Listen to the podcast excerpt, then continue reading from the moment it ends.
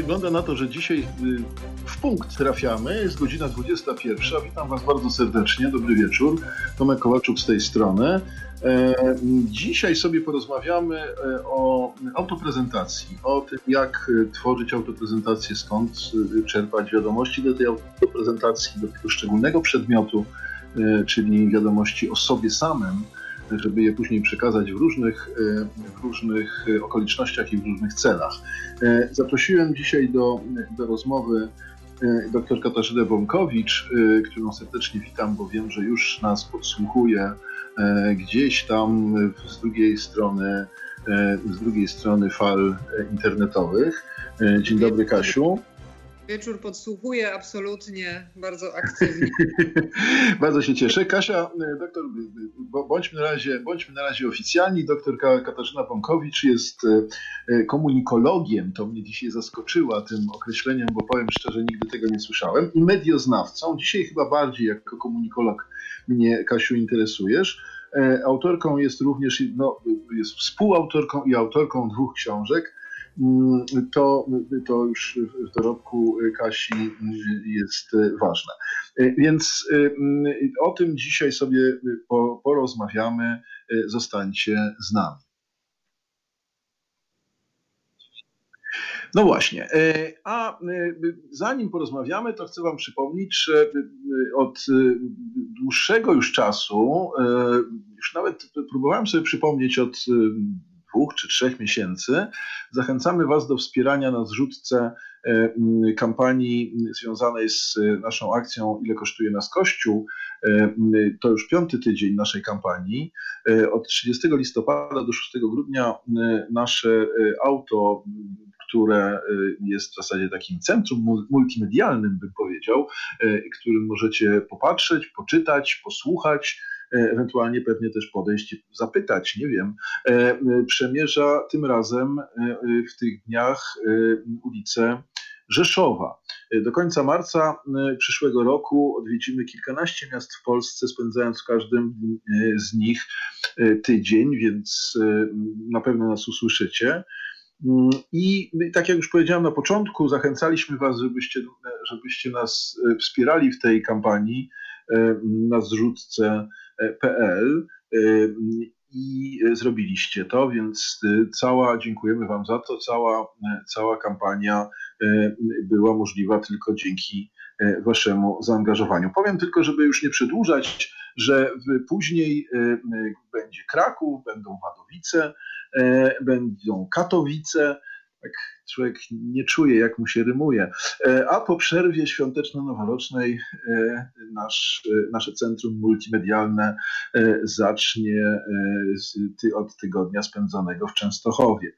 No a potem Kielce, Radom i tak dalej, i tak dalej, więc serdecznie Was zapraszamy do tego, żeby, żebyście nas nie porzucali i byli razem z nami, bo to myślę, że temat jest ważny, ciekawy, też y, no, wart dyskusji, zaznajomienia się i dyskusji.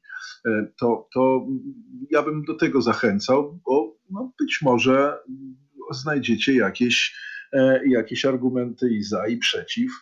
Mm, to, to, zawsze jest, y, to zawsze jest istotne. No dobrze, zostawmy ten temat jak powiedziałem dzisiaj, mm, dzisiaj chciałbym porozmawiać o autoprezentacji. Zacząłbym, y, Kasiu, jeśli pozwolisz, od takiego pytania, które bo ja nie wiem, czy wiesz, próbuję cię jakoś e, e, nieudolnie oczywiście naśladować, też trochę nauczając o, o autoprezentacji właśnie, o technikach autoprezentacji. I gdzieś tam mam ileś refleksji po przeczytaniu różnych książek, głównie amerykańskich, bo te książki, których, które byłyby takimi autorskimi dziełami polskimi, E, chyba jest mało. Twoje, twoje książki, czy twoja książka Rozmowy o rozmowach, która już wyszła parę lat temu ładnych, e, mam wrażenie, że była taką e, taką jedną z pierwszych, które były opracowaniem autorskim polskim. Amerykanie, jak, jak rozumiem, w kwestii no właśnie mediów, kreowania postaci, komunikacji, E, i tak dalej, i tak dalej, są jednak trochę, nie wiem, jak to ocenisz, z 15 lat przed nami. Mm, więc. Bardzo, więc... Jesteś, bardzo jesteś miły, że tylko 15 lat. To bardzo jesteś taki liberalny rzeczywiście. Rozumiem, że ty chcesz powiedzieć, że 47, tak? Wiesz co, ja chcę powiedzieć, że to jest w ogóle problem systemu edukacji i jego i drastycznej mhm. różnicy pomiędzy polskim a amerykańskim systemem, która sprowadza się li tylko do tego, że my w ogóle zapomnieliśmy, ja, ja bardzo często o tym mówię, bo to jest jedna z podstaw. My w ogóle zapomnieliśmy, że my funkcjonujemy w obszarze dwóch języków. Mając do mhm. dyspozycji język ojczysty, funkcjonujemy w obszarze języka pisanego oraz języka mówionego. I tak. teraz ta różnica w systemie edukacji polega na tym, że w Stanach Zjednoczonych kładzie się nacisk jednak na tę komunikację mówioną, na tę komunikację werbalną, uważając ją za częstszą, może bardziej potrzebną, może bardziej skuteczną. Jakby ta motywacja nie jest dla mnie do końca jasna, natomiast prawda jest taka, że śledząc amerykański system nauczania, akurat w tym obszarze mówię tylko i wyłącznie o komunikacji, bardzo mocno stawia się na wszystkie rzeczy związane z prezentacją. Natomiast w mhm. języku polskim, jak sobie przypomnimy swoją własną edukację, no to cóż mamy w naszej wspaniałej historii um, uczenia się? Mamy rozprawki, mamy eseje, mhm. mamy wypracowania, mamy notatki, e, mamy wreszcie prace dyplomowe, licencjackie, magisterskie, zaliczeniowe. Piszemy, piszemy, piszemy, piszemy. Przepra przepraszam, przepraszam Cię mhm. Kasiu, ale, ale było przez parę ładnych lat y, jednak jest y, coś takiego, co wprowadzono na maturze, jak pamiętasz, to znaczy owe tak. prezentacje. Tu był jakiś, y, jakaś jaskółka, chociaż pewnie zaraz mi powiesz, że w procesie edukacji nikt tego nie uczył, tylko dopiero na koniec wymagaliśmy, żeby ktoś to potrafił zrobić. No i właśnie o to chodzi. Wiesz, to jest, ta, to jest ta różnica, że w momencie, kiedy język jest rzeczą, która jest w zasadzie nam niezbędna do codziennego funkcjonowania, ale z drugiej strony jest potwornie trudna do nauczenia się w sposób inny niż naturalny. I każdy, kto mhm. kiedykolwiek uczył się języka obcego, dobrze wie, że można w szkole spędzić lata ucząc się gramatyki słów i nie mówić dobrze w języku obcym, a wystarczy pojechać do obcego kraju i tam po kilku miesiącach, nawet nie mając pojęcia o żadnych zasadach gramatycznych, mówimy już całkiem nieźle. Tak. I dokładnie tak samo jest z mhm. językiem ojczystym. Tak?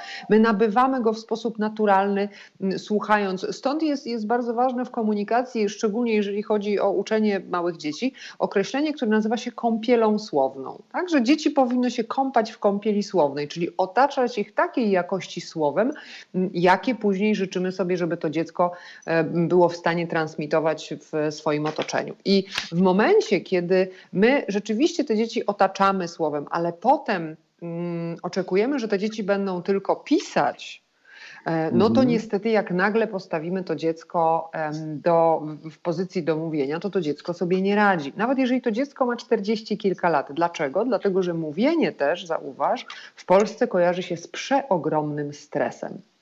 Ja to tak. zauważyłam przygotowując naprawdę tęgie głowy czasami do wystąpień publicznych, że w momencie, kiedy sobie siedzimy i luźno rozmawiamy, wszystko jest ok. W momencie, kiedy pojawia się archetyp sceny, czyli ktoś musi wstać i zacząć mm, prezentować coś, nawet tylko przede mną, zaczyna się zachowywać, jakby był znowu w piątej B i nie przygotował się na lekcję geografii. To jest coś niesamowitego, jak mamy zakorzenioną w głowie traumę związaną z wystąpieniami publicznymi, że to jest dla nas zawsze jakieś odpytywanie, że to jest zawsze jakieś mhm. takie dociskanie, znaczy towarzyszą temu same negatywne odczucia.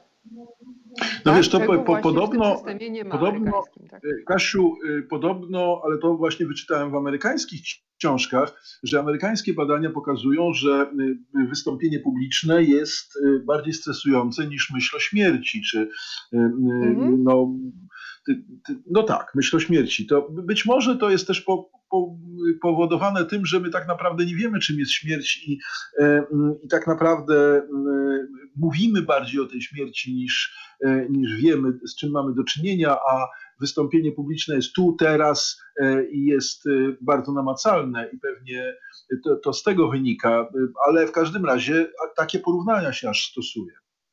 Tak, dlatego, y, dlatego w, tamtym systemie podejmuje się kroki zapobiegawcze i uczy się te dzieciaki już, że tak powiem, żeby wysysały z mlekiem matki te mm, umiejętność przełamywania stresu, bo musimy też pamiętać o tym, ja w ogóle to zresztą e, spotykam wśród ludzi na różnych swoich szkoleniach czy warsztatach, że jak ich pytam, czego by się chcieli nauczyć z obszaru wystąpień i w ogóle całej nauki o komunikacji, to oni mi zawsze mówią, chcemy się nie stresować. To jest niesamowite, tak. jak, jak w ogóle wszystkie inne techniczne rzeczy odchodzą na mm, dalszy plan, żeby się tylko nie stresować. Nerwy są w stanie nas, nas zjeść, tymczasem z drugiej strony bez stresu no też daleko nie zajedziemy, bo też stres jest czynnikiem motywującym i też stres powoduje, że mm, zwiększa nam się wydzielanie kortyzolu, zwiększa się wydzielanie adrenaliny i my przez to też znacznie lepiej się koncentrujemy. A? Słuchaj, a przepraszam, pokażę, to... słowo. Mhm. Padnę ci słowo i zapytam cię, bo od razu jak powiedziałaś to, mm, e, te, te pytania, opowiedziałaś o tych pytaniach, e, czy o tych pragnieniach, czy o tych celach twoich kursantów, jak to się dawniej mawiało, e, to zapytam cię, czy to jest w ogóle do nauczenia być może, czy w jakim stopniu to jest do nauczenia. E, być może to jest jednak e, no po prostu trochę umiejętność wrodzona, prędzej czy, e, znaczy więcej czy mniej. Pewnie mi odpowiesz, że i tak, i tak. Jak, jak, do jakiego stopnia, do jakiego stopnia myślisz, że to jest do wyuczenia? Wiesz co, ja myślę, że, znaczy nie, nie wiem, czy potrafię Ci podać stopień, w jakim to jest do mhm. wyuczenia, bo tutaj już wchodzimy w obszar tego, czy ktoś w ogóle chce być mówcą, ale na przykład potwornie się boi, albo ktoś nie chce być mówcą. Jego poziom komunikacji, on jest osobą bardziej na przykład introwertyczną, on nie ma potrzeby w ogóle komunikowania się w taki sposób z grupą mm, i dla niego, i jego mózg, bo to też jest ważne, że musimy to trochę z takiej perspektywy neurolingwistycznej rozpatrywać, jego mhm. mózg nie widzi w ogóle sensu wystąpienia. I jeżeli mamy do czynienia z taką osobą, to wtedy wiadomo, że taka osoba może się nauczyć tylko tego, co sama uzna za słuszne i potrzebne. Natomiast Jasne. są osoby rzeczywiście, które są straumatyzowane i one mówią, bo ja bym chciał, bo ja widzę, jaki to jest potencjał, bo no umówmy się, ale komunikacja jest jednym z poważniejszych i silniejszych narzędzi, jakie mamy w ręku, jeżeli chodzi o biznes, o, o w ogóle bardzo wiele różnych um, sfer naszego życia, a ludzie są po prostu straumatyzowani. W związku z tym jeżeli mamy do czynienia z taką osobą, to w zasadzie można powiedzieć, że ona jest w stanie się nauczyć wszystkiego. Bo to jest kwestia mhm. pewnych barier psychicznych. E, jeżeli ta osoba chce, jeżeli się stara, jeżeli zrozumie, że stres jest jej przyjacielem, to tu już następuje zwykłe takie warunkowanie mm, w zasadzie behawioralne, ponieważ w momencie, kiedy mm, zaczyna ta osoba, y, wystarczy, że ma jakiś minimalny sukces a z każdego mhm. spotkania na każdy ma ten sukces coraz większy i ona czuje się coraz bardziej zmotywowana, no więc osiąga lepsze efekty. Tak? Efekt kuliśny. Wiesz co, bo jak Ciebie słucham, to mi się kojarzy kilka takich moich doświadczeń życiowych. E, mm, najpierw takie doświadczenie z, z zakresu szkoły średniej. E, mm, to jest takie doświadczenia tak zwanej akademii szkolnej, zarówno tych e, nauczycieli e, czy dyrektora, którzy tam występowali i mówili różne, różne rzeczy, to jest raz.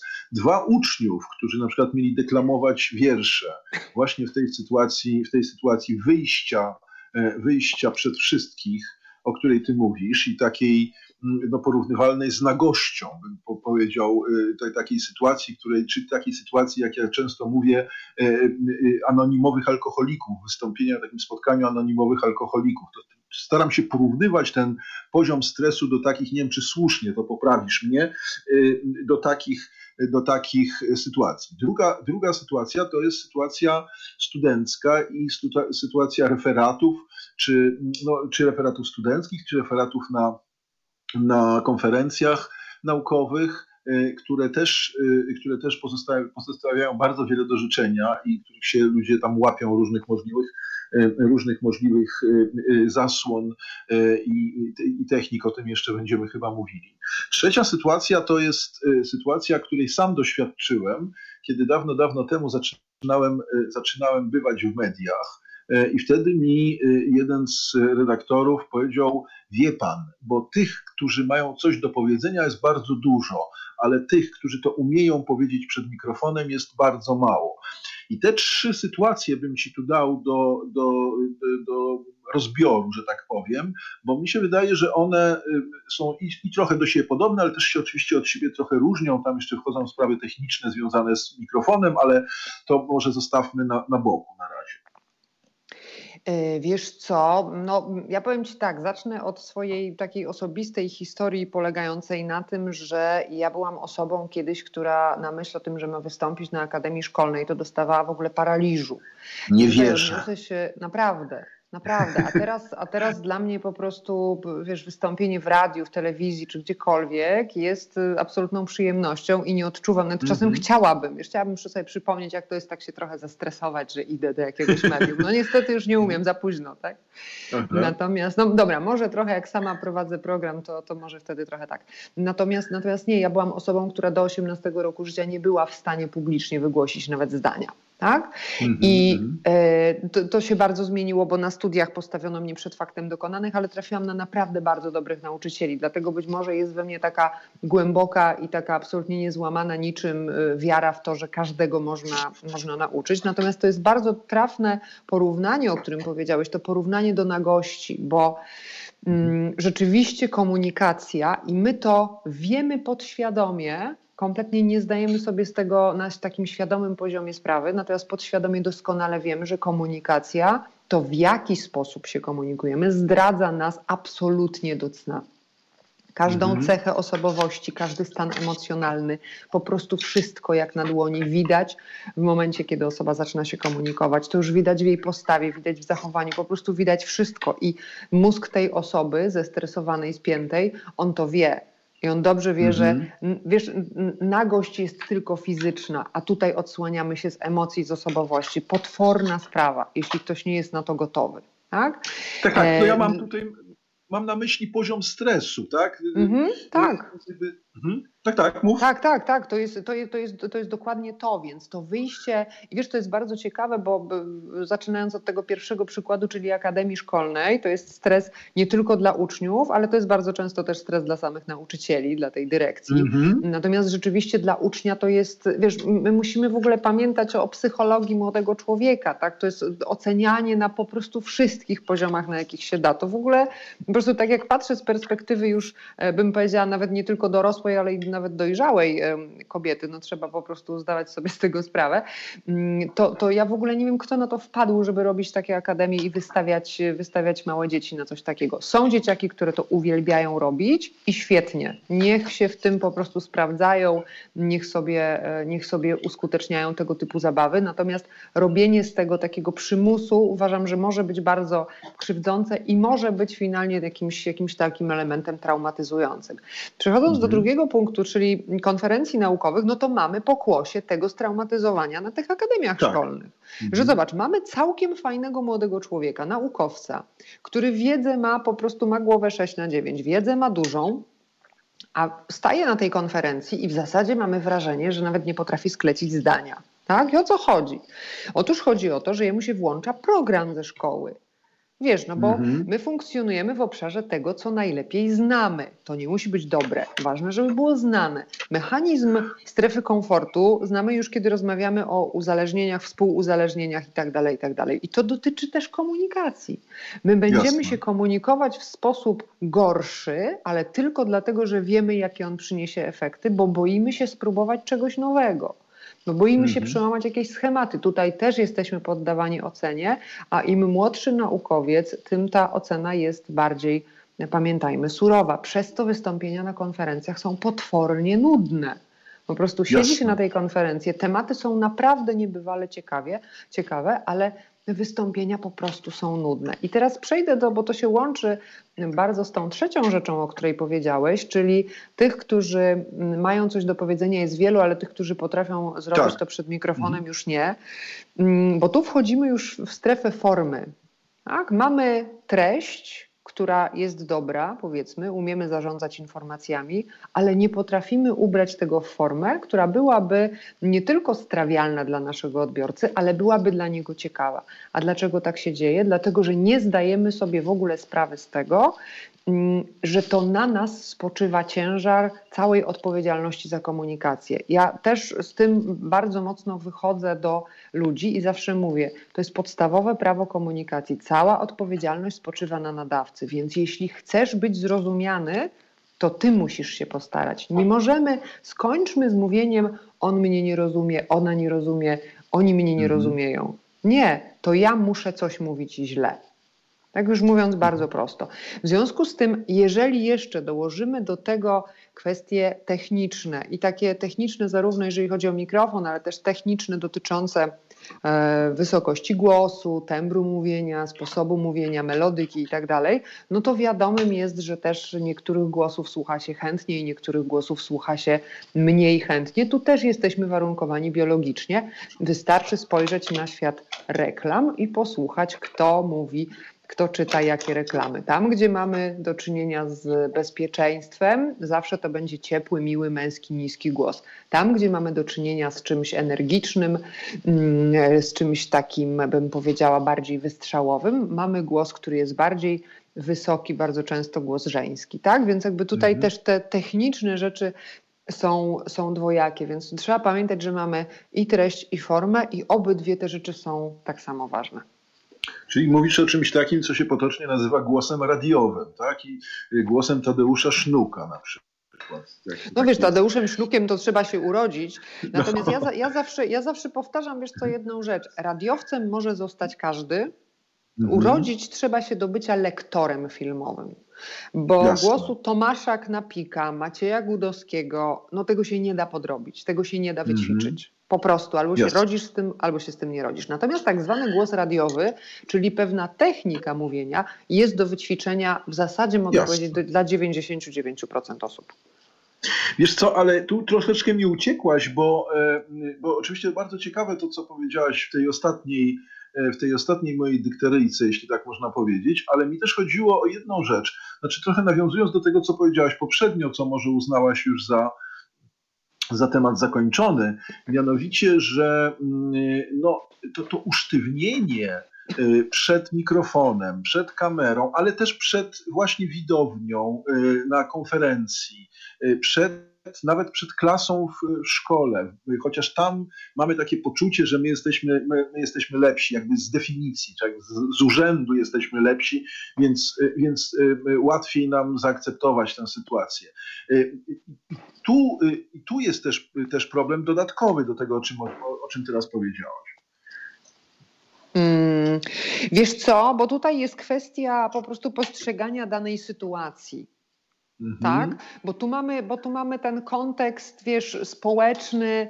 E, ja myślę, że o tym nie należy zapominać. I ja myślę, że my o tym generalnie za rzadko mówimy, bo komunikacja nigdy się nie dzieje. Wiesz, podam ci, podam ci taki ciekawy przykład jak z osobami, które się jąkają na przykład. Nie? Mamy osobę, która ma problem z jąkaniem. Nieważne, czy to jest zacinanie, czy przeciąganie głosek. I ta osoba jąka się tylko, kiedy jest z nią ktoś w pokoju. Kiedy taka osoba mhm. jąkająca się, nawet potwornie jąkająca się, zostanie sama w pokoju i dostanie na przykład tekst do czytania albo będzie musiała coś powiedzieć, ta osoba się nie zająknie ani razu. Jąkanie jest zaburzeniem dialogu, a nie zaburzeniem tej osoby. To jest, to, jest, mhm. to jest fascynujące w pewien sposób i to nam pokazuje, jak ogromną presję wywiera sam akt komunikacyjny a wywiera taką presję, dlatego że jest jednym z warunków naszego przetrwania biologicznego. My wiemy, że komunikacja jest tym, co nam pozwalało w pewien sposób, nie wiem, dogadać się, żeby razem zabić mamuta, tak? Czy tam tak. jakiegoś innego zwierza, kiedy jeszcze bytowaliśmy sobie w jaskiniach. Mm, w związku z czym e, ten stres wzrasta w momencie, kiedy jest odbiorca. I teraz przełóż mhm. sobie tego jąkającego się na wszystkie takie sytuacje, o których wcześniej mówiłeś, tak? Czyli tę szkolną mhm. akademię, naukową konferencję i tak dalej, tak? Z drugiej też strony to jest problem, trochę teraz odejdę od tematu, natomiast y, patrząc sobie na język naukowy, patrząc sobie też na świat naukowy, w którym mhm. trochę jedną nogą funkcjonuje, Wiesz, ja nie mam takiej zgody za bardzo na język naukowy, który, mm, który mamy. Kiedy biorę do ręki mm. książkę z amerykańskiego uniwersytetu, z niemieckiego uniwersytetu. E, czytam język, który jest przejrzysty, który jest komunikatywny, który zachęca do tego, żeby się w niego zagłębiać. Kiedy biorę polską książkę naukową, no zaczynam się od razu czuć jak nieuk i mam wrażenie, że drugą książką, jaką powinnam trzymać na, kolana, to, na, na kolanach, to jest słownik języka polskiego, a najlepiej tak. jeszcze słownik e, wyrazów obcych. Mhm. Wiesz, to jest w ogóle podejście do, do języka jako narzędzia, jako materii, jako bardzo ważnego obszaru w naszym życiu, tak? I jeżeli mhm. jeszcze do tego stresu sceny, do tej traumy szkolnej związanej, wiesz, z tą taką ekspozycją społeczną, dołożymy jeszcze wymóg stosowania języka, który nie jest językiem naturalnym, nawet jeżeli się w środowisku naukowym przebywa dosyć intensywnie i głęboko, no to mamy mieszankę, jeszcze do tego mamy te elementy psychologiczne, psychologiczne, wiesz, oceny, no to mamy mieszankę wybuchową. Mhm. Bo poradzenie sobie z tym stanem jest naprawdę potworne. Y, przerwijmy na chwilę naszą fascynującą rozmowę. Wrócimy do niej za parę minut, bo już mam kilka tutaj punktów, o których chciałbym, chciałbym Cię zaczepić w tym ostatnim e, fragmencie Twojej wypowiedzi. E, ale no jak zacznę Cię zaczepiać, to to nie będziemy mieli możliwości posłuchania muzyki, a e, mój program też muzyką stoi. W związku z tym teraz poproszę o muzykę, e, a za sekundkę, czy no, no źle, za kilkadziesiąt albo kilkaset sekund raczej wrócimy do rozmowy z Katarzyną Bąkowicz.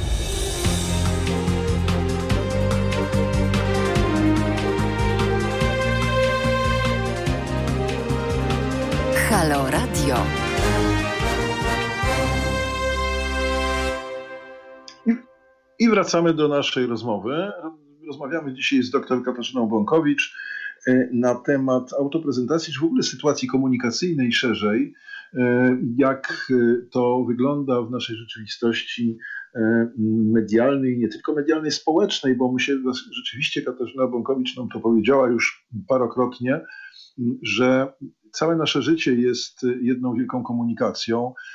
Wiemy, wiemy że wielokrotnie wiele z konfliktów osobistych, rodzinnych, e, szkolnych, politycznych, no w zasadzie każdych, wynika właśnie z tego, co się e, potem czyta w różnych, e, w różnych analizach, że to jest problem komunikacyjny, że nie potrafiliśmy pokazać swoich intencji, czy to są polityczne intencje, czy to są intencje męża wobec żony i żony wobec męża, dzieci wobec rodziców i tak dalej, i tak dalej, i tak dalej. E, więc e, właściwie zawsze, zawsze nam się wydaje, że, że pokazujemy to, co chcemy pokazać. Nam się wydaje święcie, że jesteśmy E, że jesteśmy przecież e, tak oczywiście e, powinniśmy być przynajmniej tak oczywiście zrozumiani czy rozumiani, a jednak nie jesteśmy ze zdziwieniem stwierdzamy, a nawet z niedowierzaniem, czy wręcz w ogóle z niewiarą, że ktoś mógł zrozumieć nas zupełnie inaczej. To są, to są życiowe bardzo sprawy, nie tylko polityczne, bo tam możemy to sobie jednak odsunąć, możemy się polityką nie zajmować. E, natomiast e, te sprawy czy te problemy nas dopadają w domu e, i to mi się wydaje bardzo, bardzo istotne. Nie wiem, czy się, Kasiu, ze mną zgodzisz, jeśli z, z tym, co powiedziałem. Wiesz co, ja bym tutaj w ogóle, tak, zgodzę się z tobą, bo, bo to jest nasza codzienność, tak, i nawet, nawet wiesz, nawet w pracy możemy jakoś tam się odseparować, ale nasze życie domowe nas będzie gdzieś tam przygniatało. Ja bardzo mm, e, tak bym się tutaj przywiązała do ważnego słowa, którego użyłeś, mianowicie słowo wydaje nam się. To mm -hmm. jest w mhm. ogóle chyba klucz do całego nieszczęścia, bo nam się nieustająco coś wydaje. Tak. Więc to, to, jest, to jest też to, co ja powiedziałam, że y, ktoś nas nie rozumie i że, bo ja tak się staram, a ta osoba nas nie rozumie. Wiesz, to jest, ja zawsze tłumaczę ludziom też, y, jak różnimy się komunikacyjnie ze względu na swoje e, typy osobowości. I mówiąc tak z grubsza, każdy typ osobowości preferuje inne, inne części w ogóle w komunikacji do tego stopnia, że na przykład, mm, nie wiem, taki typ, powiedziałabym, bardzo dominujący, ale jednocześnie konserwatywny trochę i tak dalej, na przykład preferuje rzeczowniki i czasowniki. I teraz co nam to daje? Co nam daje taka wiedza? Otóż taka wiedza nam daje to, że mm, ja, ponieważ jestem innym typem, no nie używam tych rzeczowników i czasowników za często, bo ja na przykład gustuję w przymiotnikach. No i idąc, spotykając się z takim typem, mm, który w tych rzeczownikach i czasownikach gustuje, będę mówić po swojemu, a ten typ tak mnie posłucha, posłucha i powie, Jezu, gadała pół godziny i nic nie powiedziała konkretnego. No nic, słyszałem cztery rzeczowniki, pięć czasowników, Boże, stracone pół godziny. A mhm. gdybym wiedziała, że idę spotkać się z taką osobą i powiedziała, okej, okay, może to nie jest mój język, może to nie jest mój naturalny styl komunikowania, ale ja mam jakiś cel, mam jakiś interes, muszę coś załatwić z tą osobą, chcę do niej dotrzeć z moim komunikatem, więc postaram się użyć takich formuł, żeby ta osoba mnie po prostu lepiej zrozumiała. I wtedy ta osoba powie, aha, no rozmawialiśmy 5 minut, ale to było takie konkretne? Bo ta osoba mhm. usłyszy po prostu dokładnie to, co ją interesuje. I ja cały czas mówię, myśl o odbiorcy, myśl do kogo mówisz. Jeżeli tłumaczysz to samo zjawisko osobie, która ma, nie wiem, 50 lat i pięcioletniemu dziecku, no przecież nie będziesz używać tych samych słów. I okej, okay, kiedy mamy przed sobą osobę dorosłą i dziecko, to w sposób naturalny wiemy, że do tego małego człowieka trzeba mówić trochę innym językiem, bo jego zasób słów nie pozwala na zrozumienie jeszcze struktur, którymi my się posługujemy. Ale kiedy mamy przed sobą dwóch dorosłych, to w głowie nam się nie mieści, że mamy język zmieniać. No przecież mm -hmm. po, po, to się uczyli całe życie, żeby mnie teraz rozumieć. Proszę się postarać i mnie, i mnie teraz tutaj e, koncentrować się i mnie rozumieć. Otóż nasz poziom koncentracji jest w stanie jednostajnie wytrzymać 2,5 minuty. No to jak w 2,5 mhm. minuty jesteśmy w stanie powiedzieć dość dużo, to ok. Natomiast po tych 2,5 minutach poziom koncentracji spada. I znowu przechodzi pałeczka na stronę mówcy, no bo jeżeli mówca się y, zaangażuje w proces komunikacyjny, będzie mu zależało, żeby ta komunikacja dobrze przebiegała, no to będzie co 2,5 minuty modulował swój głos, będzie zmieniał melodię, będzie wkładał różne elementy wypowiedzi po to, żeby tę koncentrację podtrzymywać. Mhm. Ewentualnie będzie robił pauzy. Nie wiem, czy zwróciliście uwagę, Kasia, e, jak powiedziała, że 2,5 minuty, zrobiła drobną pauzę. E, nie wiem, czy to było dobrze słyszane, e, ale ja przynajmniej tak wychwyciłem. Nie wiem, czy słusznie cię demaskuję, Kasiu, bo, to, bo, bo ta drobna pauza tu jest bardzo ważna, bo powiedziałbym kluczowa. Kasia zostawiła czas na to, żeby ta informacja o 2,5 y, minucie mm, dotarła e, do, do, do, wszystkich, tak? żeby sta, stała się takim wygłosem, jak to się niekiedy w, z kolei w literaturze mówi, takim wygłosem, który dotrze, taką puentą, nie zagadała tego, e, tego następnym zdaniem, tylko pozwoliła tej informacji od, tę chwilkę pokrążyć w naszym umyśle, tak? żeby ona dotarła wyraźnie. I to są te elementy, y, y, te elementy szalenie, szalenie istotne właśnie do, do, do, w komunikacji, jak sądzę. Ale teraz to, to, o czym ty mówisz, mnie się kojarzy, nie byłbym między innymi historykiem literatury, literaturoznawcą, gdyby mi się to nie kojarzyło z takim przecież ogólnie znanym ze szkoły e, wstępem do wielkiej improwizacji, którym, w którym, w którym to wstępie Mickiewicz pisze, że język myślą kłamie. E, I to, to jest też na tym poziomie się rozgrywa, e, nie tylko, nie tylko komunikacyjnym, ale, e, ale głębiej chyba, znaczy komunikacyjnym, ale, ale, ale głębszym, filozoficznym wręcz. Mianowicie to jest takie myślenie, to, to które ty zrekonstruowałaś, oświeceniowe. To znaczy takie myślenie, czy racjonalne, takie myślenie, którym my uważamy, że język jest wystarczającym wystarczającym narzędziem do opisu rzeczywistości i właśnie do, y, do porozumienia. Ewentualnie co najwyżej możemy się dopytać, tak? A co miałeś na myśli? Natomiast myślenie romantyczne było takim myśleniem, w którym w zasadzie my mamy bardzo małe szanse wyrażenia swoich przy pomocy języka tego wszystkiego, co chcielibyśmy powiedzieć. Nam się znowu użyję tego słowa, skoro mnie pochwaliłaś, to, to, to będę teraz używał e, sobie, e, mianowicie tego słowa wydaje, bo to rzeczywiście ja też bardzo często to, o tym mówię, nam się wydaje. Dlaczego? Dlatego, że my mówiąc jedno zdanie, mamy za tym zdaniem, czy jedno słowo, Mamy za tym zdaniem schowany całą głębię naszych skojarzeń osobistych z tym zdaniem czy z tym słowem, których przecież w tym słowie nie widać. E, I, i, I, to jest potem taki powód do zdziwienia, a nawet trochę zgorzknienia, że ja powiedziałem, a mnie nikt nie zrozumiał. E, ja powiedziałem, a nikt nie dostrzegł tego worka tych, tych wszystkich moich skojarzeń, czy tej mojej głębi, którą ja przecież tam mam, no tylko skąd on ma to wiedzieć, prawda?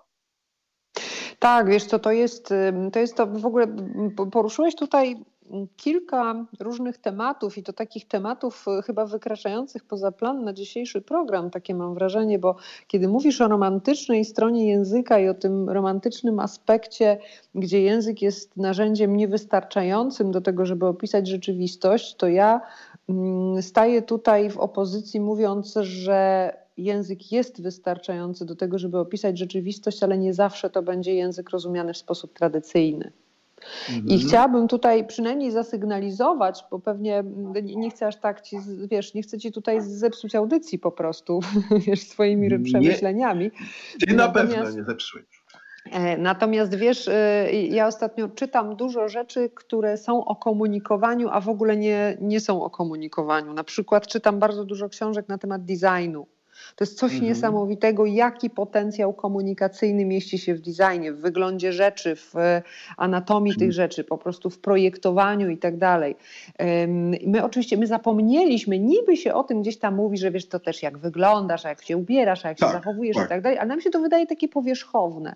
Natomiast gdyby spojrzeć tak naprawdę holistycznie, zrobić cztery kroki w tył i spojrzeć na człowieka całościowo, to on aż kipi od komunikowania różnymi rzeczami i różnymi kanałami. Poprzez to, mm, wiesz, jakby ten język werbalny jest w ogóle na samym końcu. Ja w ogóle, kiedy tłumaczę ludziom często mm, budowę mózgu, funkcjonalną budowę mózgu, kiedy im tłumaczę, że jest mózg gadzi, ssaczy i ludzki, tam różne procesy komunikacyjne w związku z, te, z tego faktu, z tego podziału wynikają, mm, to tłumaczę im to z taką trochę przekorą, że słowa to jest coś, co nam w ogóle przysparzają tylko problemu. Bo gdybyśmy -hmm. poszli w ten nurt oświeceniowy, o którym mówisz, czyli traktowalibyśmy język narzędziowo, a więc potrzebuję coś załatwić, używam języka, tak? tak? tak. To -hmm. my w mhm. ogóle nie potrzebujemy słów. Moglibyśmy się zatrzymać na poziomie dźwięków. Zobacz, wszystkie ssaki posługują się dźwiękiem, komunikują się dźwiękiem i mm, radzą sobie świetnie. Tylko Homo sapiens wykształciło sobie słowa, i mamy po prostu problem, od kiedy te słowa są, bo do komunikatów podstawowych o zagrożeniu, mm, wiesz, o in, informacyjnych i tak dalej, wystarczy nam tylko głos i komunikacja niewerbalna. Przecież jak masz w domu psa lub kota, to dobrze wiesz, jak ten kot miał, czy kiedy jest głodny, kiedy chce się bawić, kiedy mu się nudzi. Tak? Albo pies, kiedy mm -hmm. jak mhm. szczeka, kiedy chce wyjść na spacer. Przecież nie mówi ci, nie wiem, wyprowadź mnie, tak? tylko wydaje mm -hmm. jakieś tam dźwięki. Więc głos jest komunikatorem międzygatunkowym. Natomiast tak. słowa właściwe naszemu językowi są w zasadzie tylko po to, żeby przejść na tę stronę romantycznego opisu rzeczywistości. Mm -hmm, bo nawet, mm -hmm. bo, bo spójrz, spójrz na taki przykład, ja to też zawsze po tym powtarzam, to jest przykład sztandarowy. Spójrz na słowo super. Tak? Nie, nie miałam go, gdzie mhm. zawsze, zawsze na warsztatach piszę to słowo, a nigdy go nie wymawiam. Przecież to jest słowo, które zgodnie ze słownikiem ma konotację pozytywną. Natomiast możemy je powiedzieć na tyle różnych sposobów, między innymi w scence rodzajowej pod tytułem Kochanie, rozbiłam samochód, no super. No i wtedy na pewno tak. nie jest to wyraz radości, tak? Ale mhm. skąd wiemy, skąd mamy całą tę wiedzę o stanie emocjonalnym? No z mojego głosu a nie ze znaczenia tak. słowa. Tak? Więc, więc mhm. absolutnie język jest nam dany po to, żeby romantycznie opisywać rzeczywistość, czy też pokazywać, jak bardzo sobie z nią nie radzimy. I wchodzimy tutaj w obszar, który ty y, poruszyłeś, czyli tego, że mamy wiele słów, może za wiele. Zawsze mam problem, czy tych słów jest za dużo, czy może jest za mało. Bo z jednej strony mamy dużo słów, którymi możemy opisywać pewne zjawiska, ale nie jesteśmy w stanie doprecyzować ich, do, doprecyzować ich semantyki. I, mhm. I, ta mhm. semantyka nam się prze, prześlizguje, wiesz, jak kisiel przez palce mhm. i zderzamy dwa semantyczne światy, rozmawiając z drugim człowiekiem i powstaje niezrozumienie. Bo wiesz, takie zdania typu mm, zjadłabym coś, E, mogą znaczyć od, od momentu zaraz upadnę, jak czegoś nie zjem, bo jest mi słabo, do momentu w zasadzie to zjadłam przed chwilą obiad, ale tak bym jeszcze deserek. Nie? Słuchaj, Taką bardzo się, bardzo się, Kasiu, cieszę, że to mówisz, bo moim ukochanym, jednym z, z motywów ukochanych e, w trakcie moich zajęć studenckich, przy okazji akurat interpretacji wiersza, ale to nie o to chodzi, e, chociaż może trochę o to chodzi, bo to właśnie wiersz daje taką E, ze swojej istoty daje taki, tako, takie poczucie, że możemy sobie tutaj właśnie żeglować po, tym, po tych polach semantycznych. E, takim moim ukochanym z kolei słowem, trochę odpowiednikiem, przynajmniej funkcjonalnym tego twojego super, jest słowo niepokoić w jednym z, wierszu, z wierszy Tuwima. I ja zawsze moim studentom mówię, weźmy to słowo w całości i zaczniemy, tak jak ty pokazałaś tę drogę od tego zjadłabym coś, od wycieńczenia do fanaberii, to bym, to bym, to mówię, że niepokoić na początku może być drażnić, gnębić czy prześladować. To jest skojarzenie z niepokoić, ale też inspirować czy intrygować. To też jest niepokoić i to jest bardzo twórcze przecież, jak nas coś inspiruje, nie daje nam spokoju, intryguje. Więc to pole semantyczne rzeczywiście tu jest e, szalenie, szalenie istotne. E, i ono, e, i rozumienie tego, to, to co się w szkole nazywa na przykład bogaceniem słownictwa, tak? Kiedy próbujemy, czy chciałoby się, żebyśmy wyrażali różne stany na różne sposoby.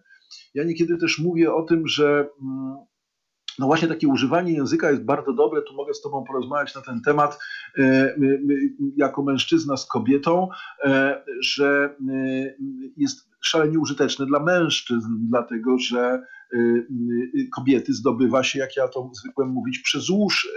E, a zatem ważne jest właśnie to, e, jak subtelnie, jak, e, jak snujemy tę wypowiedź, tak? jak nie wprost, czy, czy, czy na, na różne sposoby tę atmosferę budujemy. Y, wiesz co, tak, to trochę jak ja wspominałam o reklamach, tak? Natomiast głos, y, bo tutaj zdobywanie, zdobywanie kobiet przez uszy to też dwa aspekty, czyli z jednej strony forma, z drugiej strony treść, bo możesz mieć masę Jasne. rzeczy do powiedzenia, ale jeśli będziesz to robił jakimś fatalnym, wiesz, skrzypiącym głosem, to myślę, że, że wiele możesz nie zdziałać. Dlaczego? Dlatego, że głos, znowu wracamy do biologii. My się od tej biologii, wiesz, mhm. pomimo, że naprawdę latamy w kosmos i, i, po prostu mamy w historii, wiesz, filozofów i tęgie głowy, to my naprawdę ciągle jesteśmy gdzieś tam, my nie możemy się odkleić od jaskini. Tak, oczywiście. Po prostu popędy, popędy nami y, sterują i musimy musimy o tym pamiętać. I głos jest jednym z elementów absolutnie biologicznych, ponieważ mm, on pełnił funkcję informacyjną i ostrzegawczą. I głos, który był niski, który był stabilny, który był taki powolny, ciepły i tak dalej, był to głos bezpieczeństwa, zaufania. Tak? I dlatego do tej pory, jeżeli chcemy Mm, przecież jak matka uspokaja dziecko i chce, żeby ono zasnęło, to nie piszczy mu nad uchem, prawda? Tylko raczej -hmm. kołysanki to też są takie bardzo spokojne, mm, spokojne melodie. Natomiast wysoki ton taki jazgotliwy, piskliwy, to jest ton, który jest tonem ostrzegawczym, który ostrzegał o niebezpieczeństwie. Dlatego ludzie w momentach rozemocjonowania, zresztą to się dzieje też na poziomie takim fizycznym, na poziomie spięcia mięśni, podnosi się głos i wtedy ma się wrażenie, po pierwsze ludzie mówią głośniej, zaczynają na siebie krzyczeć, ale mówią też wyżej. Tak? Mm -hmm. Więc, więc, to jest, więc to jest ten aspekt głosu jako takiego. Natomiast rzeczywiście, wiesz, y, posiadanie wiedzy, w ogóle posiadanie jest też warunkiem biologicznym, który czyni nas atrakcyjniejszymi w oczach płci przeciwnej. A więc Jasne. jeżeli, wiesz, to, to jest na zasadzie umiejętności opowiedzenia o tym, co stoi w twoim garażu bo ktoś, kto ma tam, nie wiem, samochód, wiesz, mhm. luksusowy, może nie mhm. umieć o tym opowiedzieć, tak jak ktoś, kto potrafi opowiedzieć ci historię starego poloneza, którego ma, a ty powiesz, o Boże, po prostu chcę przejechać się tym samochodem, więc wracamy też mhm. do, no trochę tutaj zahaczamy o storytelling, o umiejętność tak, opowiedzenia tak, tak. historii, tak? Mhm. Słuchaj, a, a, bo znowu nie wiem, w którą stronę iść, dlatego że dobrze, zacznijmy y, od głosu, y, czy pójdźmy dalej za tym głosem. Mianowicie, mm, y, wiesz, ja kiedy opowiadam o tym głosie i o tym, o czym ty też trochę mówisz, y, to mówię tak, że no rzeczywiście ten głos dała nam Bozia. Y, możemy w jakimś zakresie w jakim zakresie ten głos szkolić, w jakim zakresie go poprawiać i tak dalej, i tak dalej, zmieniać wysokość, to wiesz lepiej ode mnie. E, natomiast, y, natomiast tylko w pewnym zakresie. I teraz no, nie będę wymieniał nazwisk, ale mamy ileś takich przykładów osób w przestrzeni publicznej, zarówno wśród polityków, jak i y, no, mo można powiedzieć celebrytów, którzy mają głos, e, y, którzy mają głos no, niezbyt atrakcyjny, bym powiedział w ten sposób eufemistycznie. I ja sobie zawsze, ja zawsze mówię w ten sposób, że do pewnego stopnia jest tak, jak ty mówisz, do pewnego momentu jest tak, jak ty mówisz, że ten głos jest odrzucający, ale od pewnego momentu staje się, jak to się e, mówi w tej chwili modnie, e, brandem, tak? znakiem wywoławczym.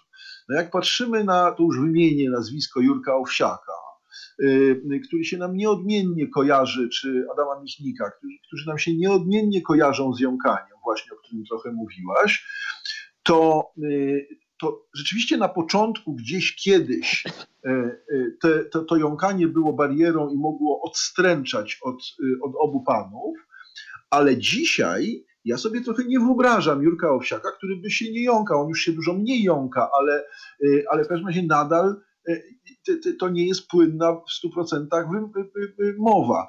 I w pewnym momencie to się odwraca. To znaczy, dzięki temu, dzięki temu, co, co na początku było minusem, później stajemy się rozpoznawalni, a to też jest bardzo istotne przecież w, w, naszej, w naszej komunikacji. Wiesz co, tak, natomiast musimy pamiętać o jednej rzeczy, że jąkanie to nie jest zaburzenie głosu, a rytmu mówienia.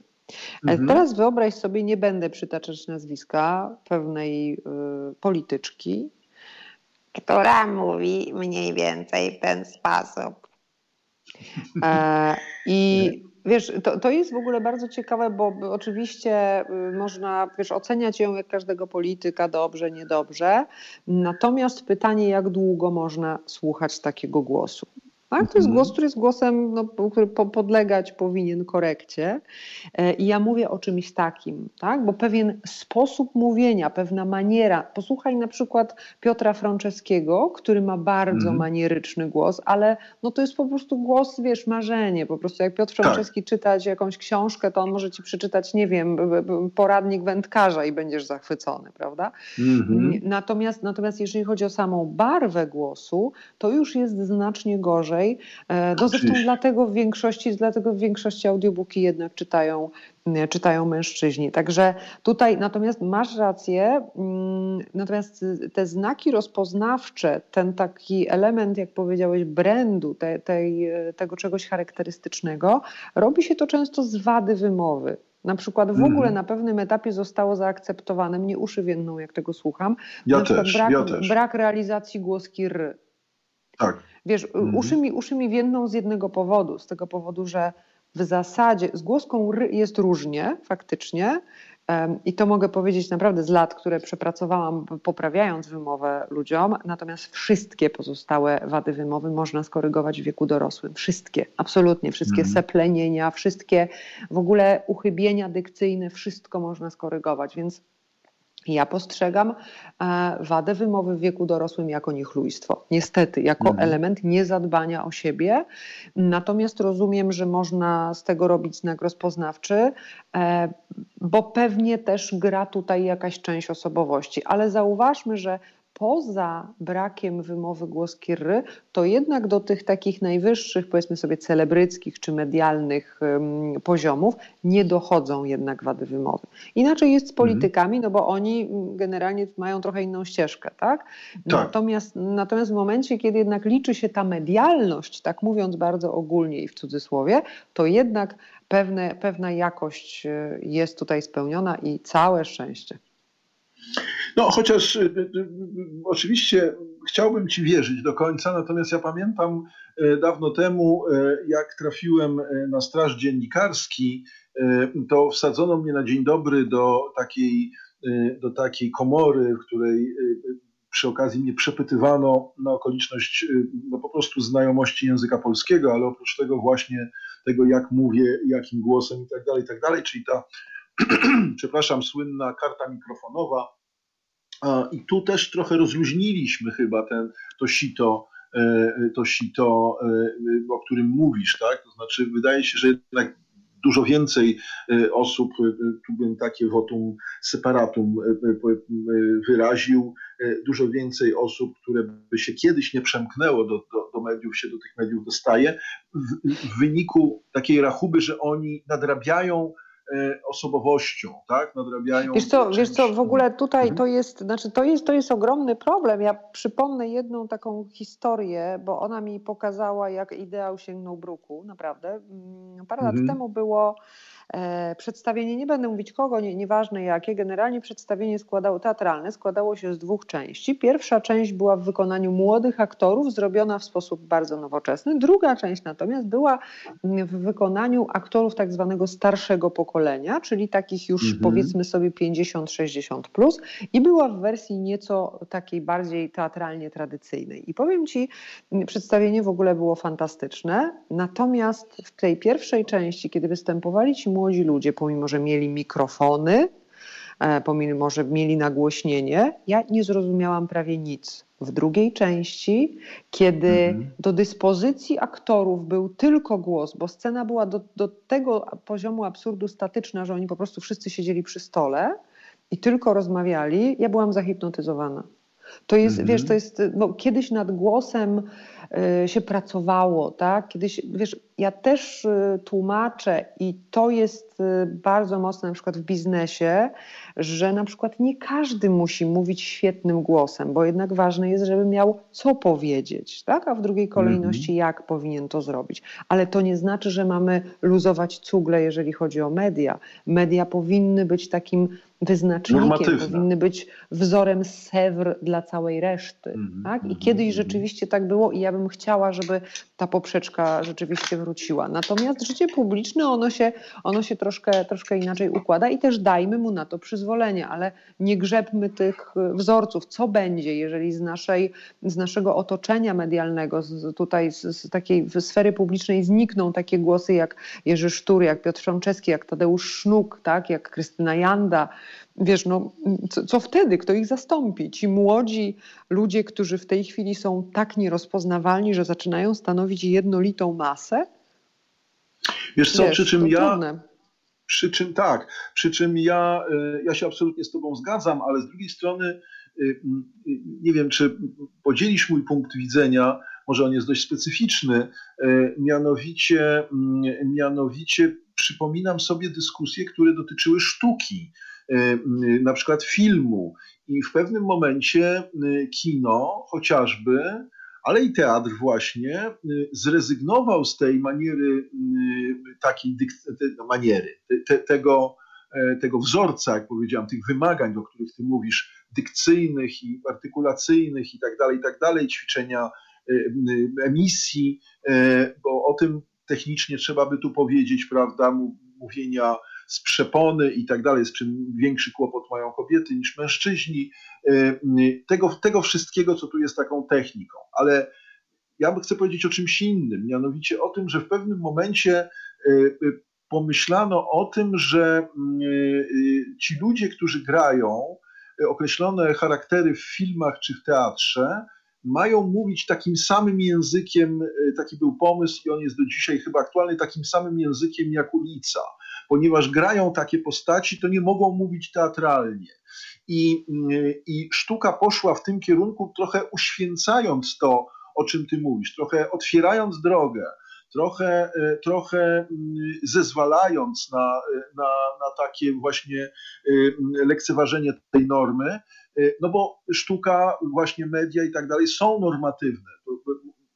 One My mówimy, że one powinny być normatywne, my to rozumiemy w ten sposób, że powinny dawać dobre wzorce, ale one są normatywne tak czy owak, ponieważ, ponieważ jakkolwiek się tam mówi, to ludzie uważają, że się dobrze mówi, prawda? I że to są, skoro mówią tak w mediach, y, czy mówią tak w kinie, czy mówią tak w teatrze, to to jest dobrze. To to jest jakby uświęcenie takiego sposobu mówienia, zarówno w sensie samej wymowy, jak i w sensie słownika.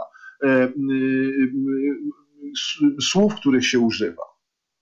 Wiesz co, gdyby iść tym tropem, tak teraz sobie rozmyślam i słuchając Ciebie, gdyby iść tropem e, aktora mówiącego ulicą, to mhm. pójdźmy dalej, idźmy do opery, i Aha. E, nie ćwiczmy śpiewaków, tylko powiedzmy im, przecież ulica fałszuje, przecież jak wujek, e, prawda, po trzech głębszych śpiewa 100 lat, no to on nie dba o to, czy to jest C no, dwukreślne, prawda? Śpiewać każdy to. może. Otóż właśnie, wiesz, i, i, tu jest, i tu jest ten moment, kiedy ja mówię stop. Ja rozumiem absolutnie mhm. i absolutnie uważam, że odeszło do lamusa, bardzo słusznie z łezką w oku wspominam, kiedy ja jeszcze uczyłam się L scenicznego. Tak, tak byłem, mhm. widziałem, wiesz.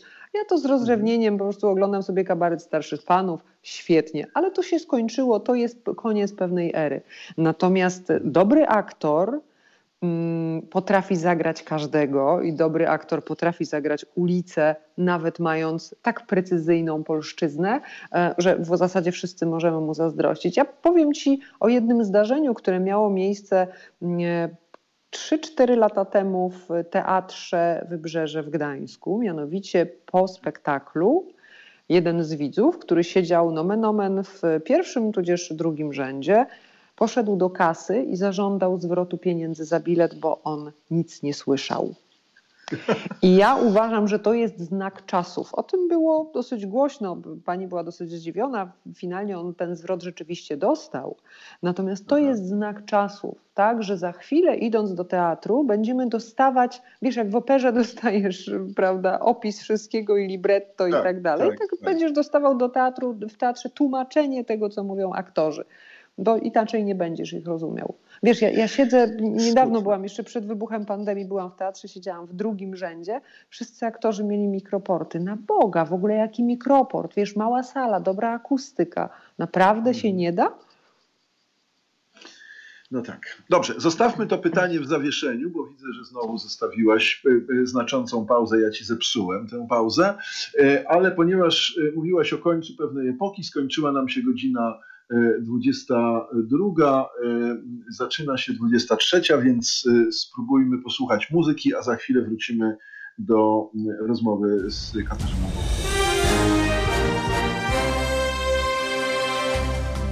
Halo Radio. Pierwsze medium obywatelskie.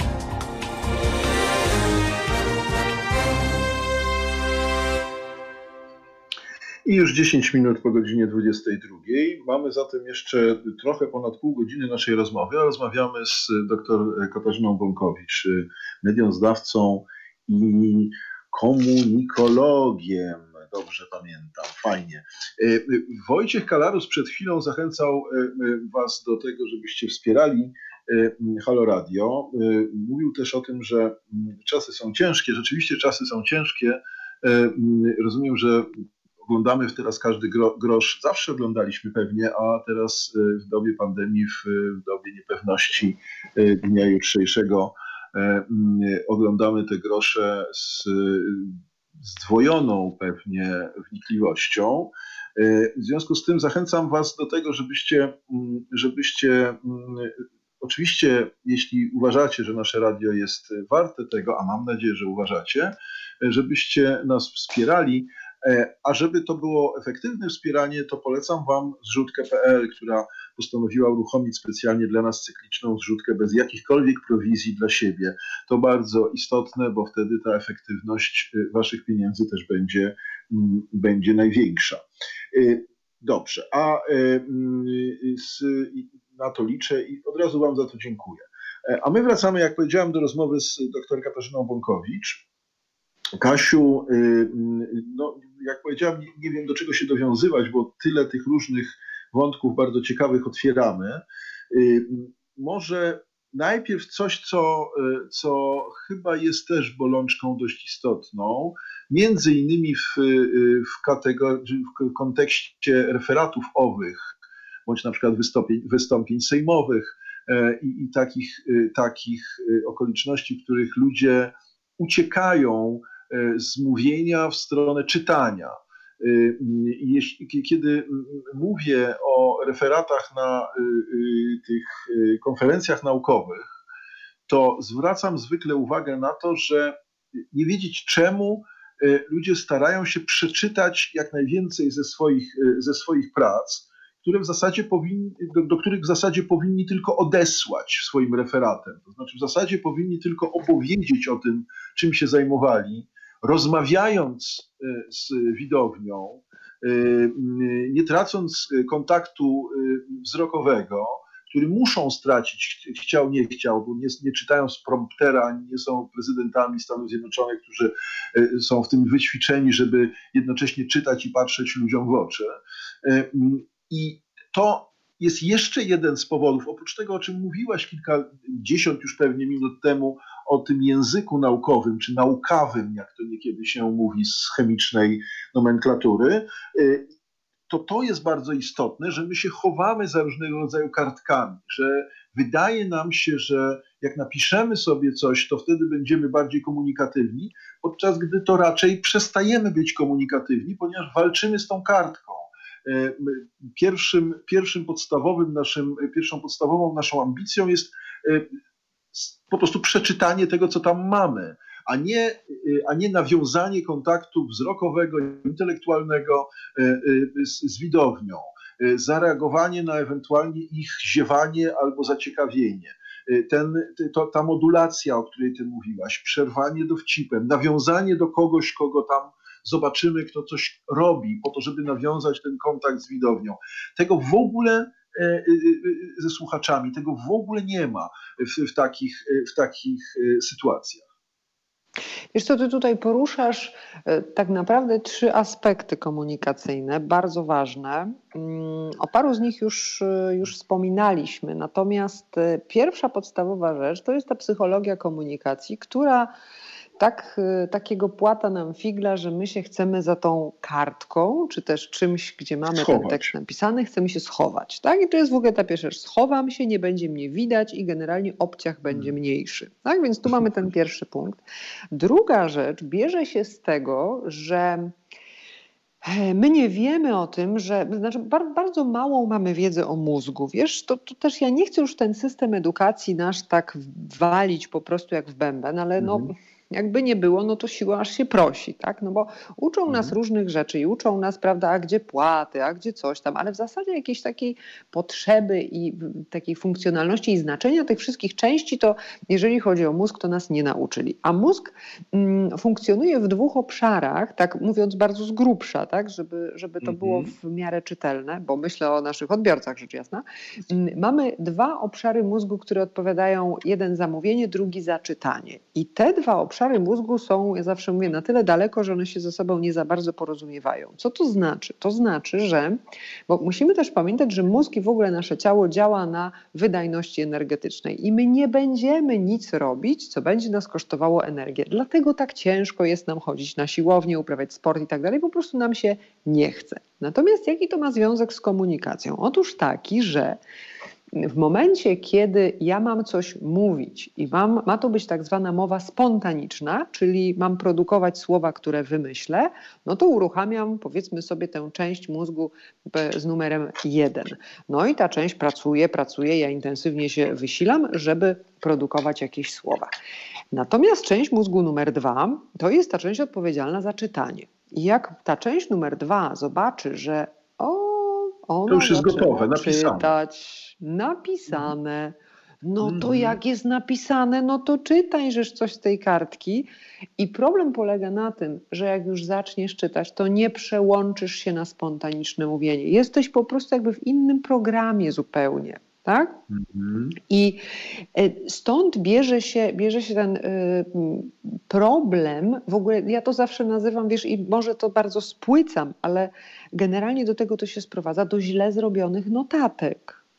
Bo jeżeli tak. chcemy mieć notatki, no bo przecież nie możemy wszystkiego spamiętać, tak? I nawet nie powinniśmy, nie musimy, bo po co sobie pamięć zaśmiecać tylko na 15 minut na przykład jakiegoś wystąpienia, tak? No, wiedza o tym, ile procent osób, nie wiem, było zadowolonych po zjedzeniu ciasta o smaku piernika, no naprawdę nie jest rzeczą, która jest, jest nam jakoś istotna w naszym życiu, więc pewne rzeczy powinniśmy mieć zanotowane. Natomiast, żeby oszukać mózg, wystarczy w tych notatkach zrobić jedną rzecz. Taki, taki wiesz, tutaj wprowadzę trochę moduł szkoleniowy e, Wystarczy nie zaczynać notatek, nie pisać nic od wielkiej litery i nie kończyć kropką. Jeżeli będziemy pisać równoważnikami zdań, jeżeli będziemy pisać hasła, najważniejsze elementy, to nasz mózg nie wejdzie w tryb czytania. Nasz mózg wchodzi w tryb mhm. czytania wtedy, kiedy widzi, że coś jest napisane do przeczytania. A do przeczytania jest wtedy, kiedy mamy wielką literę na początku, a kropkę na końcu. Natomiast jak to są jakieś wyrazy wyrwane z kontekstu... strukturę, generalnie strukturę. Dokładnie, tak. dokładnie tak. Natomiast jak to są jakieś wyrazy wyrwane z kontekstu, no to sobie ten mózg tylko korzysta z tego, nawet bardzo mocno bezwiednie, ale ciągle uruchamia tę część odpowiedzialną za mówienie spontaniczne. I wreszcie trzeci aspekt problemu, o którym powiedziałeś, to są właśnie te dwa języki. Czyli język pisany, mhm. który mm, tak. siłą rzeczy jest językiem rozbudowanym, złożonym ze zdań wielokrotnie złożonych, ze znacznie trudniejszymi słowami włożonymi w środek tej struktury. A język mówiony to język prosty. Nawet jeżeli są zdania wielokrotnie złożone, to poprzerywane pauzami. Poruszyłeś dzisiaj temat pauzy to jest jedna z mhm. ważniejszych rzeczy w mówieniu. To jest jedna z podstawowych rzeczy. Można mówić świetnie, jeżeli nie używa się pauzy, to idzie to jak w piach. To znaczy, odbiorca nie usłyszy, nie zarejestruje i co najważniejsze, nie zapamięta tego, na czym nam zależy, jeżeli nie będziemy używali pauzy. Też trzeba mieć szacunek dla przyswajalności mm, mózgu odbiorcy i dlatego, że on też może te informacje tam przyjmować, przyjmować, przyjmować, ale on je musi poukładać w końcu w jakichś szufladkach. Natomiast jak my będziemy tak taczkami zwozić te informacje, no to on w końcu się przepełni. Tak? Z mhm. drugiej zaś strony pauza to rzecz niezbędna dla osoby mówiącej, bo musimy pamiętać, że jedna sekunda, z tego co dobrze pamiętam, jedna sekunda milczenia to z tego co dobrze pamiętam 900 myśli. No więc jeżeli mm, w ciągu jednej sekundy przez nasz mózg przebiega 900 myśli, no to pomyśl sobie, co jest, kiedy milczysz 3 sekundy. A rachunek prawdopodobieństwa mówi jedno, no któraś z tych myśli musi być dobra. Tak więc paradoksalnie, im bardziej się stresujemy, im lepiej chcemy wypaść, tym powinniśmy częściej robić pauzy. A ludziom się mhm. wydaje, wiesz, to jest takie przekonanie, że mówić, mówić, byleby mówić. No i mhm. wtedy wchodzą na scenę całe na biało, wszelkie wtrącenia, wszelkie wokalizy, wszelkie y, a i tego typu rzeczy, no bo kazałeś mózgowi mówić, to mózg produkuje. A to, że bez sensu, a to, że bez znaczenia, no to już niestety, ale tak się nie da inaczej. Tak? Więc, więc to, ja tu widzę te trzy aspekty. Jasne. E, to znaczy, ja zrozumiałem to jako coś, co się potocznie nazywa gonitwą myśli, ale z tej, z tej gonitwy myśli nawet nie dobre, ale niekiedy pewnie genialne myśli gdzieś nam uciekają tam w tym dotłoku. Dobrze. E, wróćmy, wróćmy, Kasiu, do, mm, wróćmy, Kasiu, do wyglądu, jeśli, jeśli możesz. A nie, jeszcze, jeszcze jedną rzecz powiem. Mianowicie może, może to będzie dobra ilustracja, znowu będę, będę się odwołał do moich, do moich dykteryjek. E, mianowicie w tym właśnie temacie, o którym ty mówisz, czy o którym mówimy, to znaczy pauzy, e, jest również temat myślnika. Ja zwykle przy, przypominam tu wiersz powszechnie znany Stepy Akermańskie Adama Mickiewicza, którym jak pamiętasz Kasiu i pewnie nasi słuchacze też pamiętają, w ostatnim wierszu, w ostatnim wersie mamy przygotowane przez cały, przez cały wiersz y, rodzącą się nadzieję na to, że, e, że y, mówiący słowa usłyszy głos z Litwy. I tam jest myślnik. Słyszę to, słyszę to, słyszę takie rzeczy, których w zasadzie nie, ma, nie mam prawa usłyszeć. No to może też usłyszę y, z dalekiego e, regionu wschodniego E, usłyszę głos z Litwy. I wtedy Mickiewicz tam umieścił myślnik. Jak słucham e, wielu interpretacji, szczególnie szkolnych, to się mi, no nie mogę niestety powiedzieć, że włos na głowie jeży, ale potencjalnie przynajmniej mi się włos na głowie jeży, czy we wspomnieniach, o tak bym powiedział, włos, mi się na głowie jeży, ponieważ tego myśl, ten myślnik jest w ogóle nieprzeczytany. Y, to nawet nie jest przecinek, to jest myślnik. Tam w tym myślniku, jak zwykle mówić, zawiera się cała dynamika tego wiersza. Można by zostawić ten wiersz w ogóle, z, odciąć ten wiersz. O tym wierszu decyduje właśnie ten myślnik, a nie te słowa. Na początku tego myślnika jest wielka nadzieja zrodzona, że usłyszę głos Litwy, a na końcu tego myślnika jest to, że, że, y, y, że nie, że jednak nie usłyszałem to jest fantastyczna ilustracja do tego, jak myślę, co ty, co ty mówisz, o tym właśnie czasie, który, który jest bardzo istotny w wypowiedzi, jest znaczący, bardzo istotne rzeczy mówi. Nie wiem, czy chcesz coś wiesz, na ten co tutaj, temat? Tak, tak, wiesz, wiesz, poruszyłeś tutaj w ogóle bardzo ciekawy temat, o którym się w ogóle w obszarze komunikacji nie mówi, mianowicie o interpunkcji. Mhm, tak. E, bo myślnik to jest taki pewien symbol. Taki mhm. Tak, jest, jest takim wierzchołkiem góry lodowej, natomiast w ogóle sposób czytania znaków interpunkcyjnych, kropek, wielokropków, w ogóle czy ktoś pamięta jeszcze o wielokropku, czy ktoś pamięta o średniku, Wiesz, tak. da, dawno nie widziałam średnika na przykład, w jakiś, żeby ktoś do mnie SMS-a na przykład napisał ze średnikiem. Tak? Nie zdarza mhm. się to, tak? A przecież interpunkcja, przecież znaki interpunkcyjne to jest nasza intonacja. Przecież tak. cały ładunek emocjonalny, i podałeś tutaj naprawdę doskonały przykład, bo cały ładunek emocjonalny treści zawiera się w tych znakach interpunkcyjnych. On się zawiera przecież, kiedy mamy. Co to jest interpretacja wiersza? No to jest włożenie, czy jakiegokolwiek innego utworu literackiego, włożenie emocji w treść, czyli nadanie, wiesz, manipulacja formą. Tak? Treść mamy mhm. określoną, manipulujemy formą, ale my tą formą też możemy manipulować od do, od jednego znaku do drugiego znaku. No nie możemy zamieniać pytania na zdanie twierdzące i odwrotne, bo wtedy będziemy zmieniać mm, e, cały sens, tak? Także my się musimy zanurzyć ponad ten, mm, poniżej tego poziomu, wiesz, powierzchni tego, co jest napisane, tak? I to jest mhm. rzeczywista interpretacja, natomiast nie można interpretacją nazwać czegoś, co wiąże się z nieprzeczytaniem fragmentu utworu. A nieprzeczytanie myślnika jest nieprzeczytaniem fragmentu utworu i to już nie jest interpretacja, to jest potwarz. Tak? No nazywajmy sobie rzeczy po imieniu, wiesz, no, ale no to zobacz, no tak, bo, bo, bo teraz zobacz, jeżeli, no co, myślnik gorszy, bo mniejszy, nie? No bo co, bo taka mała kreseczka, to jak go pominięto, to tak. machnęliśmy ręką, a jakby, a jakby zamiast, nie wiem, y, set stepy akermańskie rozpoczynając się od wpłynąłem na suchego przestwór oceanu, byłoby pojechałem w pole, to, to co, to wtedy by nas raziło, prawda?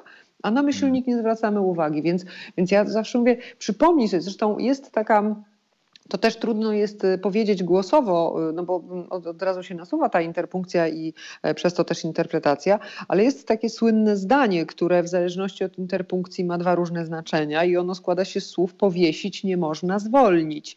Mm, mhm. Pochodzi podobno y, z prawdziwej carskiej depeszy, natomiast mm, to zdanie zawsze jest dla mnie przykładem, że interpunkcja to kwestia życia i śmierci i tak musimy o tym myśleć. Ja sobie teraz trochę oczywiście, oczywiście żartuję, Y, ale to jest kwestia emocji. To jest kwestia też tego, że zapominamy o tym, że coś takiego jak interpunkcja powinno być przeczytane, bo to ma kolosalne znaczenie w finalnym odbiorze tego, co mówimy. No, żeby było wszystko jasne, trzeba by to przeczytać w ten sposób. Powiesić przecinek nie można zwolnić, albo powiesić nie można, przecinek zwolnić. Y, to, to ma Kasia na myśli. Gdyby ktoś y, przepraszam, ale gdyby ktoś nie, nie, nie wyłapał tego, e, tych trzech słów do, do końca, y, rzeczywiście tak to jest. E, no tak, dobrze. Y, Kasiu, mm, powiedziałam, że chciałbym jeszcze przejść, wrócić na chwilę do wyglądu, bo to mhm. rzeczywiście jest bardzo ciekawe. Y, ja kiedyś wszedłem do jednego z warszawskich liceów, gdzie miałem prowadzić zajęcia z filozofii I wtedy byłem ubrany w e, trampki e, z takiej słynnej, no powiedzmy to trudno, marki Converse. I po szkole poszła taka wiadomość, że oto filozofii będzie uczył jakiś lewak, bo przyszedł w konwersach. I to, są, to jest ciekawe bardzo, jak ja obserwuję, nie wiem, czy ty obserwujesz swoich studentów. Ja bardzo często obserwuję swoich studentów, nawet o tym im mówię uczciwie, obserwuję, w co się ubierają,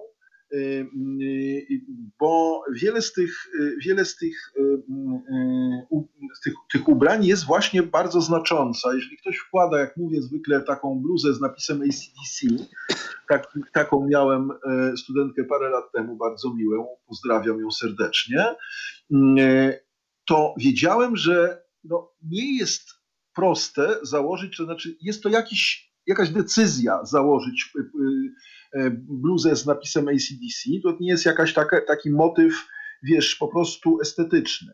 Z drugiej strony, na przykład krzyżyk przestał być takim motywem znaczącym.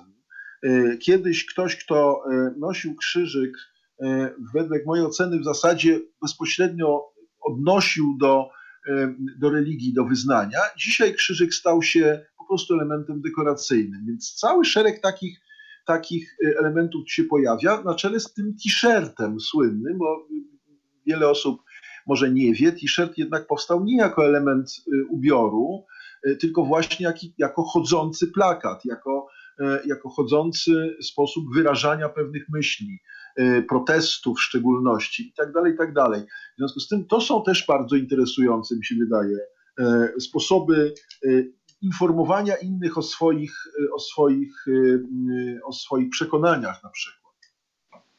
Wiesz, miałam taką rozmowę ostatnio z moim serdecznym przyjacielem, który również jest wykładowcą. Mieliśmy właśnie rozmowę na temat wyglądu studentów. I on mhm. powiedział takie zdanie, że za naszych czasów, tak, to już jest ten moment, kiedy, kiedy mówimy za naszych czasów, e, można, jak kogoś się widziało, to od razu wiedziało się, kim on mniej więcej jest, a w tej chwili tego nie wiemy. Ja się tutaj mhm. nie do końca zgodzę, bo rzeczywiście za naszych, w cudzysłowie, czasów e, ta subkultura ubioru była bardziej wyrazista, co wynikało rzecz jasna też z tego, że dostępność do wszelkiego rodzaju ubrań, jakichś takich ciekawszych, była bardzo mocno ograniczona, ale to z drugiej strony bardzo mocno pobudzało naszą kreatywność. Tak? Natomiast e, rzeczywiście, kiedy ktoś nosił, nie wiem, glany albo spodnie w kratkę, albo tak. szelki i tak dalej, to, były, to były różne jakieś takie rzeczy, które mocno definiowały. W tej chwili spodnie w kratkę można kupić w sieciówkach.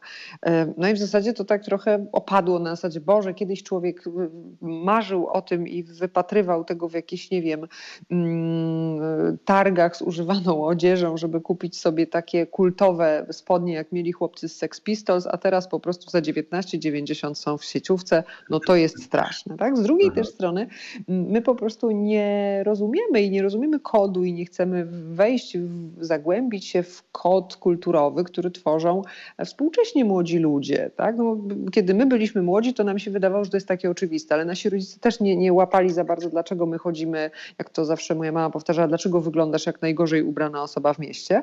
Mm, natomiast dla nas, dla nas było to oczywiste i dla tych młodych ludzi też jest. Ale wracając do sedna, wiesz, y, ubranie jest drugą skórą i ubranie bardzo mocno nas definiuje. No nie, pewnie między innymi stąd wzięło się to powiedzenie, jak ci widzą, tak ci piszą. Natomiast no rzeczywiście to jest coś, co, od czego nie możemy się od, odżegnywać. Tak? Zresztą warto spojrzeć na taką drugą stronę medalu, jeżeli chodzi o ten temat. Bardzo popularne zarówno w polskiej, jak i w zagranicznych różnych stacjach telewizyjnych są programy oparte na takim e, stereotypie metamorfozy, tak? to znaczy jak tak. zmieni ubranie i tak naprawdę zmieni twoje życie. I to jest prawda. Bo to, jaki jesteś, determinuje, jaki rodzaj odzieży y, zakładasz, wybierasz, tak? ubierasz na mhm. siebie. Mm, jeżeli masz jakiś nastrój, to zakładasz coś, jak masz inny nastrój, zakładasz coś. Tak? Teraz y, wszyscy, jak słyszę dookoła, z racji tego, że wszyscy siedzimy w domach, no jedyną taką popularną garderobą jest dres. Tak? tak? Więc, y, więc jakby zmieniliśmy sposób ubierania się, co z kolei powoduje, że wyjście do sklepu spożywczego zaczyna stawać się tak poważną okazją, że za chwilę będziemy chodzić tam w szpilkach, tak? Mówię o kobietach. Natomiast rzeczywiście ubranie komunikuje nam samym i tym samym komunikuje mm, naszemu otoczeniu i wcale nie chodzi o stereotypy tak? tylko chodzi o takie głębsze pojęcie całości. Zresztą w ogóle wszystkie rzeczy związane z wyglądem. To jest sposób czesania włosów, to są na przykład tatuaże, mm, to jest biżuteria, tak? więc jest masa rzeczy związanych z zewnętrznością. No zresztą po coś sobie to robimy, po coś robimy sobie tatuaże, po coś zakładamy biżuterię, coś chcemy w ten sposób zamanifestować. I chcemy, mhm. jeżeli chcę manifestować w sposób taki mm, absolutnie bezkompromisowy, robię sobie tatuaż w miejscu bardzo widocznym. Jeśli chcę, żeby on był widoczny tylko dla wybranych, dzielę sobie ludzi na grupy komunikacyjne, to komunikuję mój tatuaż tylko wybranym osobom. Tak? Natomiast chociażby nad tym można się było zastanowić. Tak? To, jaki wybieram strój, zresztą wrócę do tego do tych typów osobowości, o których wspomniałam, jeżeli chodzi o wybór sposobu komunikacji. Jeżeli mamy cztery typy osobowości i weźmiemy czterech, e, czterech ludzi, każdy z nich będzie w garniturze, ale w zależności od typu osobowości, za każdym razem będzie to zupełnie inny garnitur zupełnie e, z czego innego zrobiony, z zupełnie innymi dodatkami itd., tak itd. Tak Więc nawet jeżeli mamy pewne normy społeczne, to i tak przebija się przez nie nasza indywidualność. Kasiu, przepraszam cię, a, a to ja troszeczkę ten twój przykład przekręcę i spytam cię o coś innego. A czy gdybyśmy sobie wyobrazili te cztery typy osobowości stojące w tym samym garniturze, literalnie w tym samym garniturze, bo ty akcentujesz to, że te typy osobowości wybiorą inny garnitur, żeby uzewnętrznić swoją osobowość, tak? Mhm. Ale a gdybyśmy odwrócili ten sposób myślenia i zada, zadałbym Ci pytanie, gdybyśmy ubrali tych ludzi w ten sam dokładnie garnitur, to y, czy byłoby tak, że byłoby widać y, mm, pozornie, że są w innych garniturach? Wiesz o co mi chodzi. Czy, czy ta osobowość y, nie zacznie skrzeczeć z tymi garniturami? Czy jak, to, jak to wygląda? Czy ten garnitur zasłoni tę osobowość? Zunifikuje tę osobowość, czy jednak nie? Czy ta osobowość się tam wybije spod tego garnituru? Wiesz, to są dwie drogi, to znaczy e, raczej będzie dążyła do wybicia się. Wszystko zależy od takiej siły ekspresji. Tak? To też mhm. dotyczy właśnie tych typów, że będzie osobowość na zasadzie dobra, ubrali mnie, już trudno, tak będzie. Natomiast będzie osobowość, która będzie walczyć i będzie próbować coś z tym garniturem może zrobić. Ale to, co, to, co się tutaj przebija, to też, e, wiesz, chcę Ci zwrócić uwagę na jedną rzecz, że e, będzie widać, kiedy ubierzemy cztery osoby w ten, ten sam typ garnituru, to będzie widać, którym z nich ten garnitur nie pasuje. No właśnie. E, to jest, to jest w ogóle to jest e, taki model, to się nazywa jakby przypadek wełnianego swetra. Kiedy założysz na gołe ciało wełniany sweter, to po chwili zaczynasz się tak bardzo dziwnie poruszać, e, bo ten sweter cię gryzie tu i ówdzie. I najgorsze w takim swetrze jest to, że po prostu on nigdy nie wiesz, w którym momencie ugryzie, więc tak siedzisz i tak wiercisz trochę, prawda? I zwróć no. uwagę, i też Państwa, którzy nas słuchają, do tego zachęcam, jak y, będziecie patrzeć sobie na ludzi, to zwróćcie uwagę, że ludzie czasem tak się ruszają, wcale nie mając na sobie wełnianego swetra.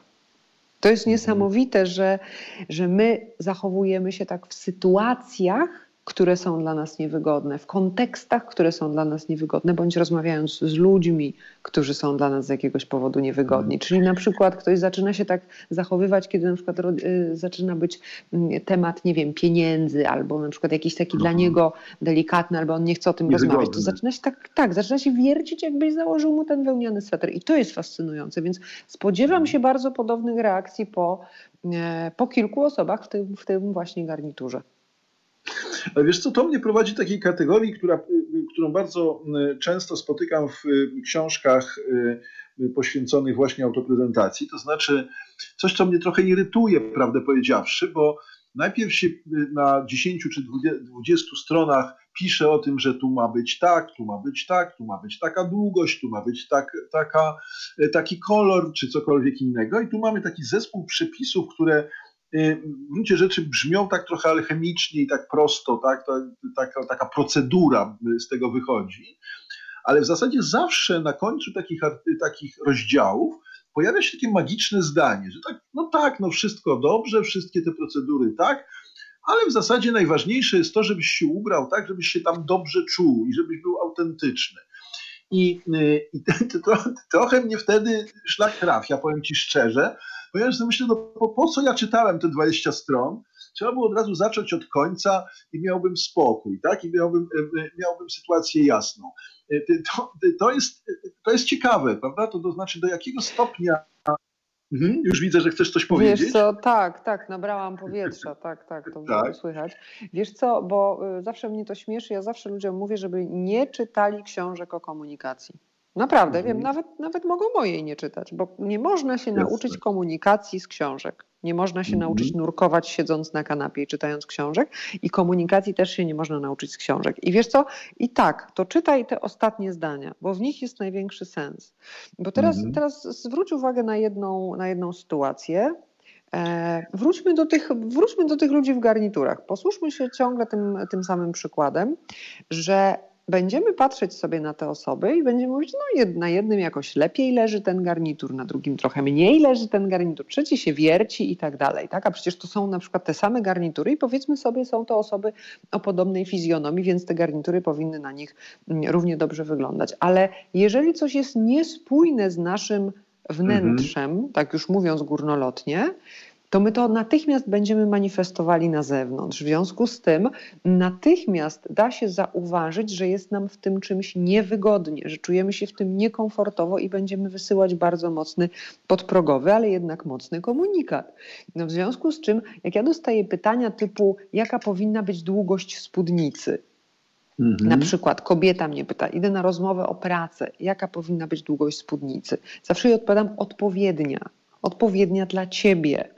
Tak? Mhm. W komunikacji w ogóle trzeba pamiętać o jednym założeniu i to niezależnie od tego, jakiego obszaru ta komunikacja dotyczy. W komunikacji nie ma nic złego, w sensie nie ma rzeczy dobrych albo złych. W komunikacji są tylko konsekwencje.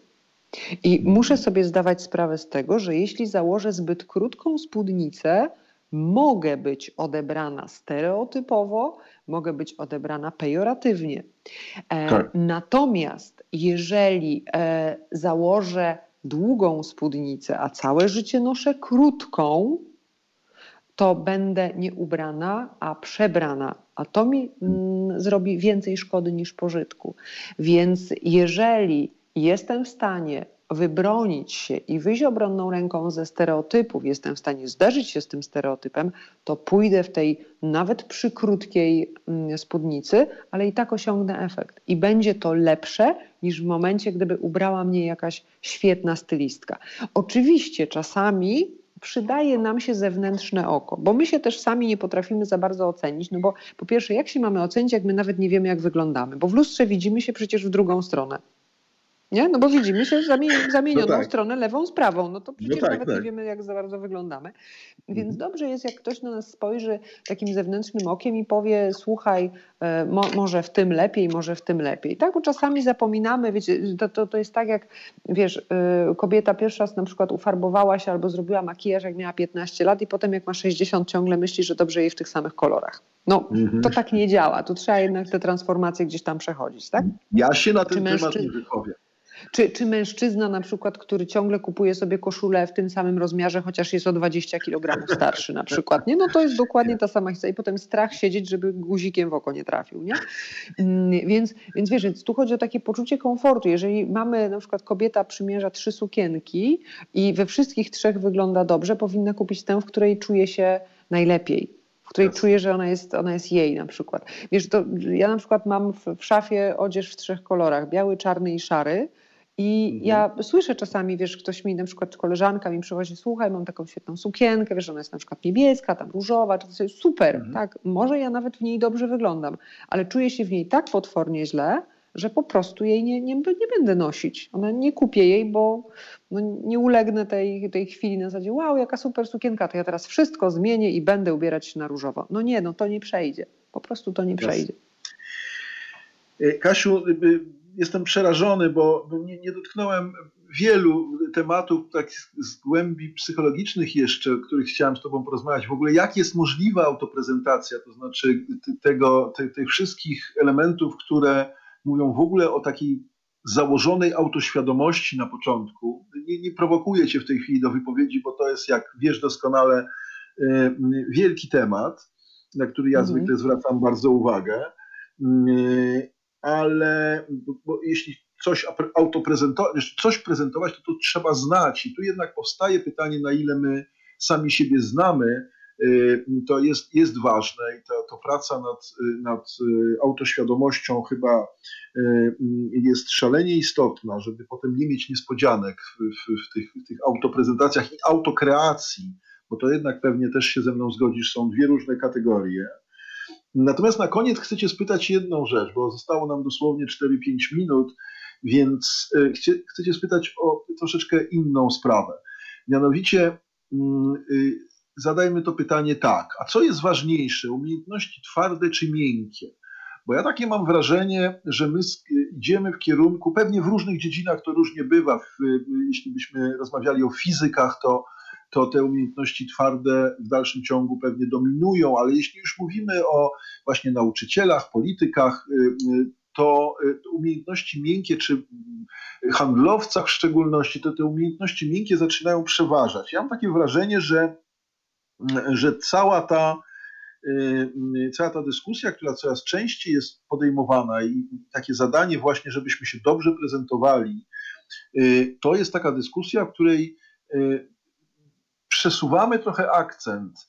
Możemy mniej wiedzieć, mniej potrafić z tych umiejętności twardych, ale się lepiej sprzedajemy, zyskujemy bardziej sympatię tego drugiego człowieka, a jak zyskujemy sympatię, to dostępu, do, uzyskujemy dostęp do jego myślenia, E, e, bo on nam wierzy po prostu i już niezależnie od tego, co powiemy, e, zgadza się z nami i, i, i nas popiera, to, to, to pewnie w szczególności w polityce jest istotne. I czy to nie jest trochę ślepy zaułek, tak? Czy myśmy teraz, wiesz, kiedyś na przykład w szkole nie było istotne, przychodził nauczyciel, miałeś się nauczyć i kropka. Teraz my bardziej mówimy o tym, że ten nauczyciel ma oprócz tego, że dobrze uczy, to jeszcze być miły, sympatyczny, stworzyć dobrą atmosferę, mówimy o szkole relacyjnej i tak dalej, i tak dalej. Czyli zaczyna być bardziej istotne, czy ten nauczyciel jest rzeczywiście sympatyczny, niż to, czy e, oczywiście nie ekstremalnie, ale wyostrzam tu problem, ale, e, ale jednak taka dysproporcja się pojawia. Czy tu masz jakieś refleksje na ten temat? Czy na pewno masz? Wiesz co, ja mam w ogóle bardzo duży problem i staram się to jakoś tak y, w ogóle walczyć z tym też w obszarze takiego dyskursu, można nawet powiedzieć, na tym nawet poziomie. Ja się nie zgadzam na nazywanie umiejętności komunikacyjnych umiejętnościami miękkimi, bo to Aha. jest deprecjonowanie jednej z najważniejszych y, części naszego życia. I mówię o tym nie dlatego, że ja się tym zajmuję, tylko dlatego, że tak po prostu jest. Można wielu rzeczy nie wiedzieć, ale jak się komunikować nie potrafimy, to naprawdę nawet to umrzemy z głodu. W ogóle od tego zacznijmy. Wiesz co, a mówienie o tym miękkie od razu nazywamy to mniej ważnym, takim pobocznym, wiesz, sam to powiedziałeś, zobacz, zobacz Tomek, tak, jak, w tak, jaką tak. stereotypie wpadłeś, no bo jak fizyk, to on nie musi. Mhm. Otóż, otóż wiesz, wiedza komunikacyjna może nie jest taka mierzalna, wiedza psychologiczna nie jest taka, mm, wiesz, nie jest taka namacalna, to nie jest 2 plus 2, mhm. jest bardziej interdyscyplinarna, jest bardziej rozmyta, holistyczna. Natomiast jest absolutną determinantą w ogóle naszego funkcjonowania. I tak przewrotnie powiem ci, wiesz, jak ja, ja, się z tym spotykam na przykład w biznesie, kiedy menadżerowie takiego średniego, wyższego szczebla mają problem, czy mają składać zespół z ekspertów, czy z ludzi, z którymi się fajnie pracuje. I to jest odwieczny dylemat biznesu. Wiesz, nie tylko w Polsce, tak. ale i na świecie. E, I, to, I ja zawsze zadaję im to samo pytanie. A chcesz mieć faceta kobietę, człowieka w zespole, który ma świetne dyplomy, czy z którym e, mógłbyś przepracować po prostu więcej niż trwa doba i pracowałoby wam się świetnie. I zawsze pada odpowiedź numer dwa. Tak, i sprawa jest zakończona, bo wiedza jest zawsze do nabycia. Natomiast y, umiejętność skomunikowania się z innymi ludźmi już nie do końca, bo możemy trafić na kogoś, kto posługuje się innym językiem, nie jest to spójne z jego osobowością i po prostu zapłaczemy się przy tej pracy, a nie będzie z tego efektów. No dobrze. Nie wiem, czy y, y, odpowiedziałam wystarczająco na Twoje pytanie, ale jako, jako osoba no, przyzwyczajona do funkcjonowania w radiu patrzę na zegarek tak samo, myślę właśnie, często jak właśnie. ty. Słuchaj, nie, ja powiem w ten sposób, bo, ja tak powiem, ponieważ mnie tak strasznie skarciłaś na koniec to ja się teraz obraziłem i skończymy naszą rozmowę. Tak, oczywiście. I Tomek, proszę Państwa, zaraz zapowie Państwu, że zaprosi mnie jeszcze do kolejnego programu, żebyśmy omówili tak te wszystkie aspekty, których nie omówiliśmy. Nie Prawda, Tomku? Tak jest. No, bo ja się po prostu, wiesz, bo ja się na długo nie obrażam, ale dzisiaj się obrażam skoro mnie tak skarciłaś. Dobrze, przyjmuję to ciekawe, co powiedziałaś, niewątpliwie mm, i dziękuję Ci bardzo serdecznie za naszą rozmowę, jak zwykle przymiło, szczególnie, że mnie zaliczyłaś do tego samego pokolenia kilkakrotnie, e, więc to, to, już, to już w ogóle jest dla mnie e, w zasadzie nic więcej nie potrzebowałem usłyszeć od ciebie. E, Czyli dziękuję był bardzo. i cukierek, i był psikus. Ja również bardzo dziękuję za zaproszenie. Mam nadzieję, że nie ostatnie. Zdecydowanie. Dziękuję bardzo. E, dziękuję Kasiu. Wszystkiego dobrego zdrowia i, i, i dobrej nocy. E, wam dziękuję. też wszystkim Wam też wszystkim życzę tego samego zdrowia i dobrej nocy. No i bardzo dziękuję. Przypominam, że naszym gościem dzisiaj była y, dr Katarzyna y, Bąkowicz, która jak wiadomo, czy jak przekonaliście się, wie wszystko o komunikacji i pewnie o wielu innych różnych wspaniałych rzeczach. Ubiera się na biało, czarno i szaro. Pozdrawiam serdecznie. Dobranoc.